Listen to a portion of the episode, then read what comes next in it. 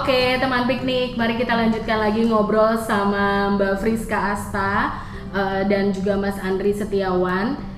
Kalau tadi udah ngobrol soal bagaimana mereka Berkenalan eh, dengan- berkenalan dengan buku, buku. mm, membaca bukunya apa aja. Hmm. Sekarang eh, kami mau ngobrolin buku yang kami bawa bareng-bareng nih hari ini ya. Hmm.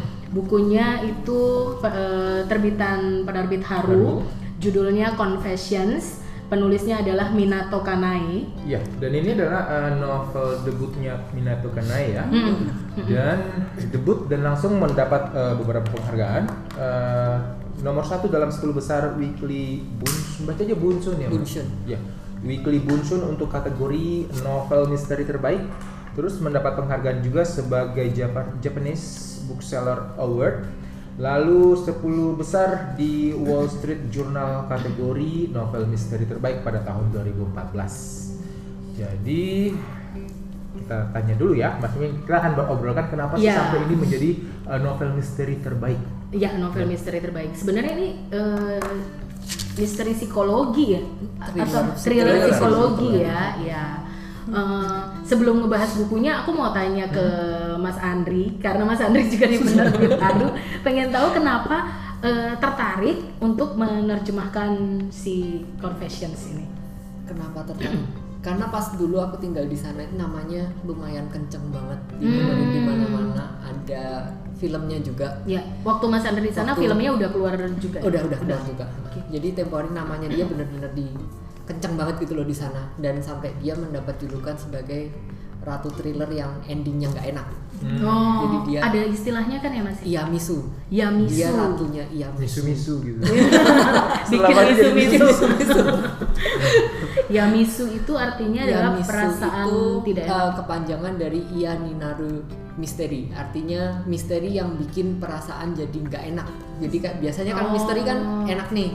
Pen- penjahatnya ketangkep lah, Ya, di penjara lah. ya, Nah, ya. Ini misteri yang endingnya kayak alternate ending yang kita nggak Hmm. bisa nebak Hmm, bakal hmm. ke mana arahnya nggak enaknya itu. Hmm, hmm, hmm. Dan setiap orang yang habis baca punya ini sendiri rasa nggak enaknya Rasa sendiri nggak sendiri. enaknya sendiri-sendiri. Oke. Jadilah eh, diterjemahkan. Jadilah diterjemahkan. Berapa lama tuh mas proses Uh, penerjemahannya? proses alih bahasanya sih aku tempo hari sebulan. Mm-mm. Uh, su- penyuntingannya kalau nggak salah sekitar satu dua bulanan. Satu dua bulanan. Itu eh, berdua kan ya kalau nggak salah. ya? Uh, nerjemahinnya berdua. Uh, Kalau nerjemahin berdua tuh gimana sih mas? tempo hari sebenarnya si Clara yang Mm-mm. harusnya nerjemahin satu buku. Mm-mm. Cuman Confession ini karena gaya bahasanya yang agak narasi yang berkepanjangan, terutama bab satu kan bener-bener narasi panjang Ya, banget ya, kan. ya. Uh, ini sebenarnya udah saya potong-potong juga paragrafnya udah dipotong-potong aslinya itu panjang banget jadi dia kesusahan di situ akhirnya aku ambil alih Oh, ya sih memang bab satu itu bab yang paling Kunci ya? Kunci, Kunci. ya, kunci. setelah lewat bab satu kayak Di bab satu tuh mau lanjut nggak nih? Mau lanjut? iya, iya, iya. Tapi waktu baca, oh, aku ke Mbak Friska sedikit. Emang di bab satu ngerasa gitu juga nggak sih Mbak? di bab satu itu justru eh, kagetnya di bab satu udah bagian terakhir karena gini ke- kepikirannya itu ini spoiler udah boleh kan ya Boleh, Oh, boleh, boleh, boleh. Eh, boleh kan? Ter- tetap ada yang mau beli kan ya, jadi di sini kan tentang anak yang 4 tahun anaknya si guru yang meninggal, itu kan Meninggal ya si Minami. Eh, Manami. Manami. Manami, Manami. Ya. Nah, kepikirannya pembunuhnya itu terbongkar nanti di akhir buku. Oh iya, iya, kan? iya, benar, Ini benar. kok bab satu udah selesai, udah ada pembunuhnya. Iya. Terus kan ini Ngomongin apa? Ini ngomongin apaan lagi gitu. Jadi tantangannya justru ini ada cerita apaan lagi ya kan harusnya udah selesai pembunuhnya Iya, itu iya. udah udah ketebak siapa Iya. gitu. Terus ini masih tebel. Iya. ada apa lagi gitu ternyata menariknya dia di situ gitu Iya. di luar dugaan bahwa dia akan nyeritain dengan cara yang kayak gimana gitu ternyata bisa eh begini oh berarti bisa ya bikin buku bab satu udah ketahuan udah ketahuan, gitu. udah ketahuan siapa pembunuhnya oh ternyata bisa juga ya itu sih awal-awal Dan itu nggak terduga ya Mbak ya? Nggak Maksudnya banget. itu kayak ah gila kenapa dia bisa nemuin cara Iya, seperti iya, itu iya. untuk menyelesaikan uh, Ah, hal ah, itu ah. gitu Nggak kan? nyangka kalau yang diangkat ternyata bukan kasus pembunuhannya sebenarnya. Iya, bukan, iya, bukan, bukan. itu di luar Iya. dari segala macam buku eh, thriller yang pernah ada kan biasanya siapa sih pembunuhnya? gitu. Karena aku kan juga suka baca Sherlock Holmes. Ya dan itu selalu kan yang dicari pembunuhnya mana sih gitu. Dengan cara apa? Kalau Sherlock kan lebih banyak ke caranya. Ini agak kaget ternyata wah ternyata eh, itu tadi di balik layar itu tuh ternyata banyak eh, pengaruh psikologis yang mempengaruhi semua tokoh-tokoh ini Iya, itu iya. sebetulnya yang mau diceritain Mungkin- gitu nggak tuh gitu nggak tuh mungkin mungkin teman pikir bingung ini sebenarnya lagi ceritanya, Ceritanya seperti seperti Oh, apa? iya. Iya, iya, Nah, iya. daripada aku Lia atau Mbak Friska yang pembaca Heeh. nanti kasih spoilernya terlalu banyak Iya. gimana kalau saja yang, yang bercerita Jadi nanti kalau kenapa spoiler itu disalahin. kita nggak tahu lah ya Oke, jadi ini ceritanya tentang seorang ibu guru yang suatu hari menemukan anaknya cewek yang berumur 4 tahun meninggal tenggelam di kolam renang. Cuman guru ini sebelum menemukan anak itu dia tahu sedikit banyak latar belakang dua orang muridnya. Hmm. Jadi dia udah tahu nih, anaknya bukan mati tenggelam, tapi mati dibunuh oleh dua orang anak SMP ini. Mm-mm. Akhirnya guru ini bertekad untuk membalas dendam dan tidak mau menyerahkan kasus ini kepada hukum karena mereka masih di bawah umur. Mm-mm. Buku ini menceritakan bagaimana si guru itu membalas dendam dan bagaimana nasib orang-orang yang terlibat dengan dua anak ini. Hmm, hmm, hmm. jadi Oke. garis besar ceritanya Garis seperti besar itu. ceritanya seperti itu. Nah, Dan Pak. kalau itu yang buat aku menarik adalah dia kan seorang guru ya, Iya. maksudnya eh, guru terus tapi punya anak pengen balas dendam itu kayak eh, berbagai sudut yang berbeda gitu. sebagai sebagai ibu dia sebenarnya pengen balas maksudnya pengen bunuh ini kan Iya kan, dia bilang gitu itu kan, iya. tetapi sebagai guru dia punya kayak tanggung jawab yang lain Iya, gitu tanggung jawab Iya. etis yang lain gitu ya ceritanya. Iya ceritanya gitu ya. Nah kalau Mbak Friska melihat apa ya, itu kan kayaknya di dalam di dalam dirinya itu kayaknya itu uh, semacam apa ya, Bergejolak, inilah bergejolak ya. lah gitu, apa antara pengen langsung bunuh balas dendam atau melindungi dengan, maksudnya dengan membalas dengan cara yang lain gitu. Kalau Mbak Friska melihat seorang ibu uh, Moriguchi ya namanya ya, Moriguchi, ya. itu seperti Hmm. apa? Em, kalau kita lihatnya pakai sudut pandang novel ini tuh nggak bisa di hakimi begitu aja ya Hmm. gitu karena kan dia setiap babnya ngejelasin alasannya apa dia juga punya problem dengan itu bukan suaminya ya akhirnya menikah nggak sih ya? Oh, enggak, enggak, pacarnya enggak, ya pacarnya. sama pacarnya itu yang kena HIV ya Hmm. gitu. Dan itu jadi anak satu-satunya gitu. Jadi eh, sebetulnya rasa ingin balas dendamnya karena tadi dia problemnya dia secara pribadi juga udah banyak. Mhm. Eh, pada akhirnya kan pacarnya meninggal ya? Hmm, Iya. ya pacarnya meninggal anaknya meninggal. Waktu saya baca sih ini orang nggak stres aja sebetulnya udah bagus Udah, gitu. Tapi setelah dibaca lagi oh ya nggak stres sih memang tapi kok jadi psycho Ah. gitu. Jadi sebetulnya semua rasa terpuruk kekecewaan apalagi seorang ibu sebetulnya akan memberikan dampak Hmm. gitu. Tapi dampaknya seperti apa itu kan yang macam-macam ya. Dia mau menunjukkan topeng yang mananya itu kan macam-macam gitu. Ternyata di sini cukup terkejutnya dia nggak stres gitu. Di luar dugaan saya dia nggak depresi tapi dia bisa jadi psycho gitu. Bisa membuat anak didiknya itu lebih tersiksa daripada dibunuh ya. Hmm. sampai kan akhirnya si anak didiknya ini merasa kalau bisa Iya. mati aja deh jangan disiksa Ah. begini gitu. Jadi memang selalu memberikan efek sih. Tapi kalau itu kan dalam konteksnya buku ini, kalau misalnya kita bicara tentang uh, dunia nyata, itu sebenarnya hal-hal seperti itu uh, banyak nggak sih sebenarnya mbak? yang kayak gimana tuh Yang misalnya kayak ya dia ya dia nggak depresi gitu, tapi dia uh, pengen membalas dengan cara biar biarin aja anak itu yang depresi gitu. Oke, Eh, macam-macam sih kalau untuk dalam kasus nyatanya. Misalnya ada orang tua yang saking sayangnya sama anak gitu, ketika kehilangan pertama udah pasti depresi. Lalu yang kedua bisa jadi dia nggak depresi tapi eh, melakukan hal-hal adiksi lainnya, misalnya kayak narkoba. Ada juga kan orang ibu yang seperti itu gitu. Atau yang ketiga melakukan penyimpangan lainnya gitu, misalnya selingkuh, misal seperti itu gitu. Atau memang ada yang jalannya mendalami agama gitu. Jadi memang selalu ada di dalam kehidupan nyata juga ada yang bentuk seperti itu gitu. Tapi kalau yang psycho ada juga sih yang Ada membunuh juga. anak kita itu udah masuk ke kasus kriminal eh, kalau di Jakarta banyak sih kasus-kasus kriminal yang modelnya kayak begitu. Kalau uh, kalau kita masih bicara tentang ibu, ini ada dua bocah tadi yaitu si bocah kalau di sini sih bocah A dan bocah B ada sebenarnya ada namanya si Suya dan Suya, Suya, dan Naoki dan Suya. gitu kan. Uh, uh, ibu mereka juga sebenarnya ber, sangat berperan dalam uh, apa namanya si- uh, perilaku Pembentukan mereka. anaknya ya. karakter. Nah, kalau Mbak Friska melihat uh, kedua ibu ini seperti apa? kedua ibunya nah ini ini yang eh, ketika nyelesain buku itu yang tadi akhirnya nyes ya Hmm. eh bingung ya ini harus gimana ya gitu Iya. kalau kita baca buku itu kan akhirnya selalu eh, oh ya jadi nggak boleh kayak begini udah selesai Iya, nilai moralnya langsung dapat oh nggak Iya. boleh kayak gini pas bukunya ditutup ini harus nyalain siapa sih ya sebenarnya Iya, gitu bener.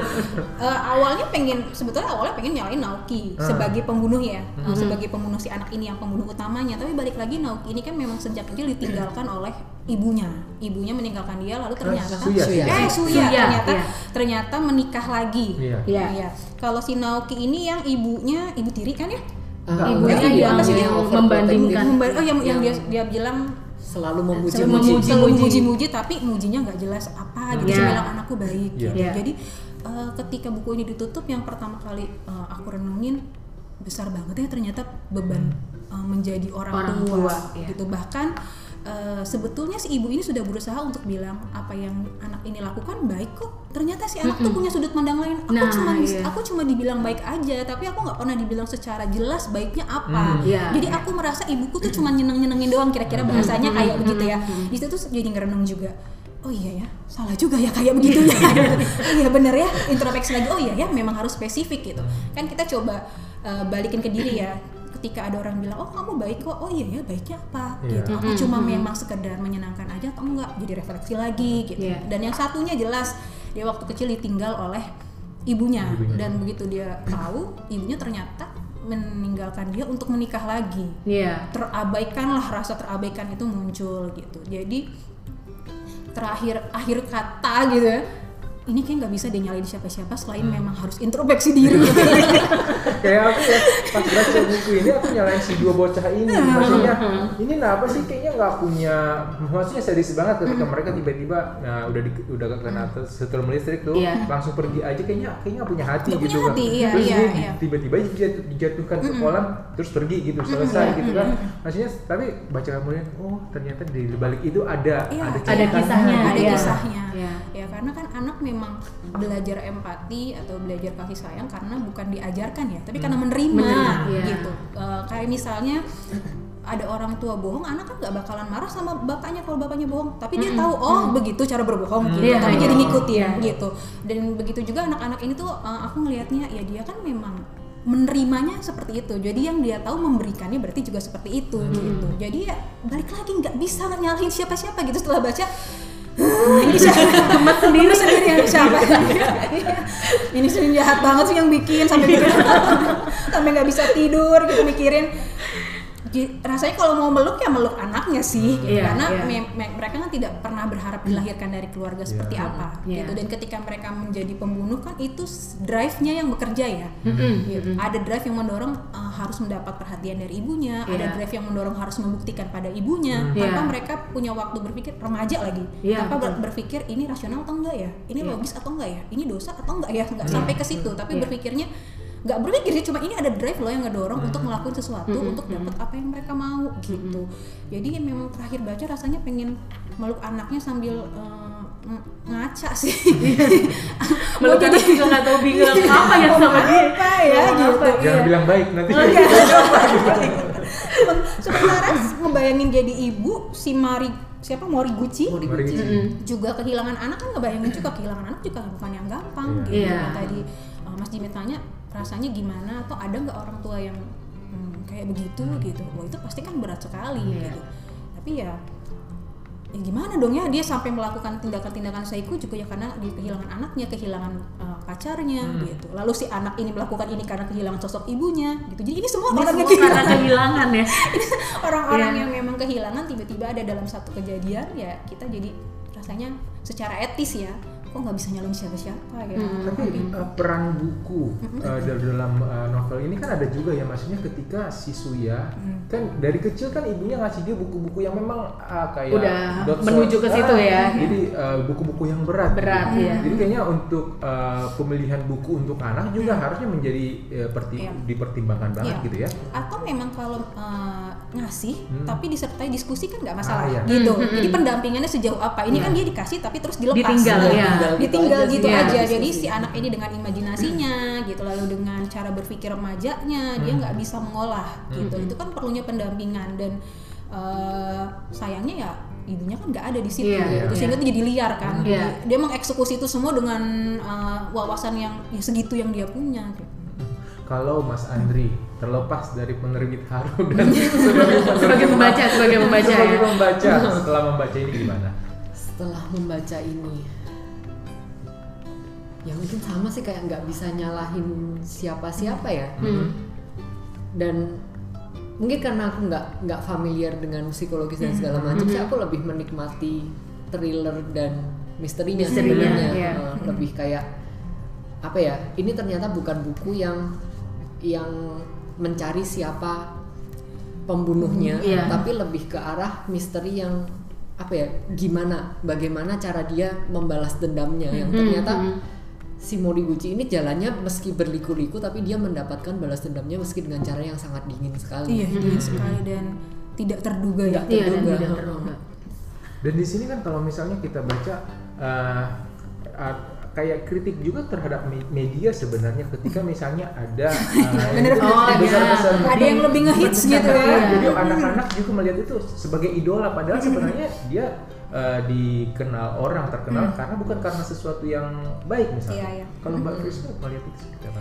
Eh, ya itu eh, kita juga nggak bisa nutup anak dari pemberitaan ya Mhm. gitu. tapi kan yang penting eh, bagaimana sih kita ngejelasin pemberitaan itu Mhm. gitu dan yang hilang dari tokoh ini ketika dia membaca dia membaca aja Iya. dia nggak cerita sama siapa dia nggak bisa sharing sama siapa Mhm. sehingga dia menjadikan berita ini kok cocok relate ya sama Iya. hidupnya dia gitu oh boleh nih dicontoh gitu atau oh begini ya caranya kalau mau eh, dikenal eh, Iya. terkenal lalu bisa jadi kalau aku terkenal ibuku, jadi Ibuku baca muncul, iya. gitu dia kan nggak punya teman diskusi apakah Iya. cara ini benar atau tidak Mhm. gitu jadi eh, media sebetulnya di sini tidak bisa disalahkan Mhm. tapi lebih ke orang tuanya di mana sih saat anaknya membaca media-media Mhm. ini gitu apalagi ya zaman sekarang kalau kita kaitkan sama zaman sekarang anak-anak eh, ngelihat handphone misalnya buka Instagram Instagram mungkin punya ibunya gitu Hmm. tapi terus kan bisa aja muncul segala macam Iya. tapi kalau bukan orang tua yang ngasih penjelasan ini beritanya begini loh disikapinya begini loh itu kan mungkin juga akan jauh lebih berbahaya juga Jadi kita sebenarnya cuma bisa mengendalikan apa yang ada di lingkungan Iya iya orang iya gitu betul ya. kita kan nggak bisa mengatur dunia ini harus jalan kayak Seperti kita. apa, iya. Nah, yang bisa kita lakukan sebagai orang tua ya ngasih pagar gitu Iya, kamu iya. boleh tahu segala macam hal tapi begini loh cara nyikapinnya gitu Pendampingan itu penting banget penting ya. dan itu yang nggak ada di tokoh-tokoh Iya, ini di tokoh-tokoh gitu. ini. Jadi kenapa ini ceritanya tuh detil ya, kayak dia ngasih tahu eh, si ini tahu dari media gitu. Ini baca buku itu detil gitu sehingga pas eh, aku selesai baca aku bisa nyimpulin mereka tuh memang sebenarnya terpapar banyak hal tapi nggak ada yang ngasih tahu mereka bahwa itu harus bagaimana dan harus diapain Hmm. gitu. Iya, Jadi iya. secara wawasan tuh mereka kayaknya cukup cukup Cukup dapat banyak dapat ya, banyak iya. hal gitu. Kalau bicara tentang ini uh, mother complex juga dibicarakan tentang sini. Sebenarnya aku bingung sebenarnya yang sebenarnya mother complex itu si Suya apa si Naoki sih sebenarnya apa dua-duanya? Mother kompleks itu kan kalau dia kehilangan sosok ibu, terus dia sangat menginginkan ibunya gitu ya. Udah nyampe mother kompleks belum ya? Kalau kalau kelihatannya sih dia memang cuman baru kehilangan sosok ibunya ya, tapi belum sampai yang eh, ketika dia cari perempuan dia harus mirip sama ibunya. Kan Oh, belum belum sampai Iya, situ sih iya. gitu. Karena memang nggak ada cerita. Nggak ada ke arah nggak ada kisah sih, iya. percintaannya kan belum terlalu Iya. jauh ya karena Iya. mereka masih remaja. Ada sih kisah pacaran dikit ya. Iya, Iya. Iya, iya. tapi itu juga nggak terlalu dalam Iya. gitu. Kalau di sini sih aku lebih ngelihatnya memang mereka berdua memang kehilangan sosok Hmm. ibu yang sesuai sama apa yang mereka butuhkan gitu. Hmm. Kita nggak bisa bilang sus ibu yang ideal ideal kan menurut Hmm. siapa Iya. gitu, tapi kan menurut yang eh, menurut setiap anak gitu. Dan Iya. mereka ngerasa ini belum ideal kayak tadi sebetulnya ibunya udah bilang anaknya baik ibunya Hmm. juga selalu ada nganterin dia nemenin dia berobat ya Hmm. gitu tapi dia mas- masih ngerasa belum cukup Kurang, Nah, iya. jadi ternyata tuh balik lagi kayak ditampar lagi oh jadi ibu baik tuh bukan sekedar kita baik tapi Hmm. kita lihat anak itu butuhnya apa sih Hmm. gitu karena bisa jadi punya tiga anak anak A butuhnya beda. Oh. B apa C apa gitu jadi lagi-lagi diingatkan oh iya Nah Nggak itu cukup, yang ya. bisa sih diatur.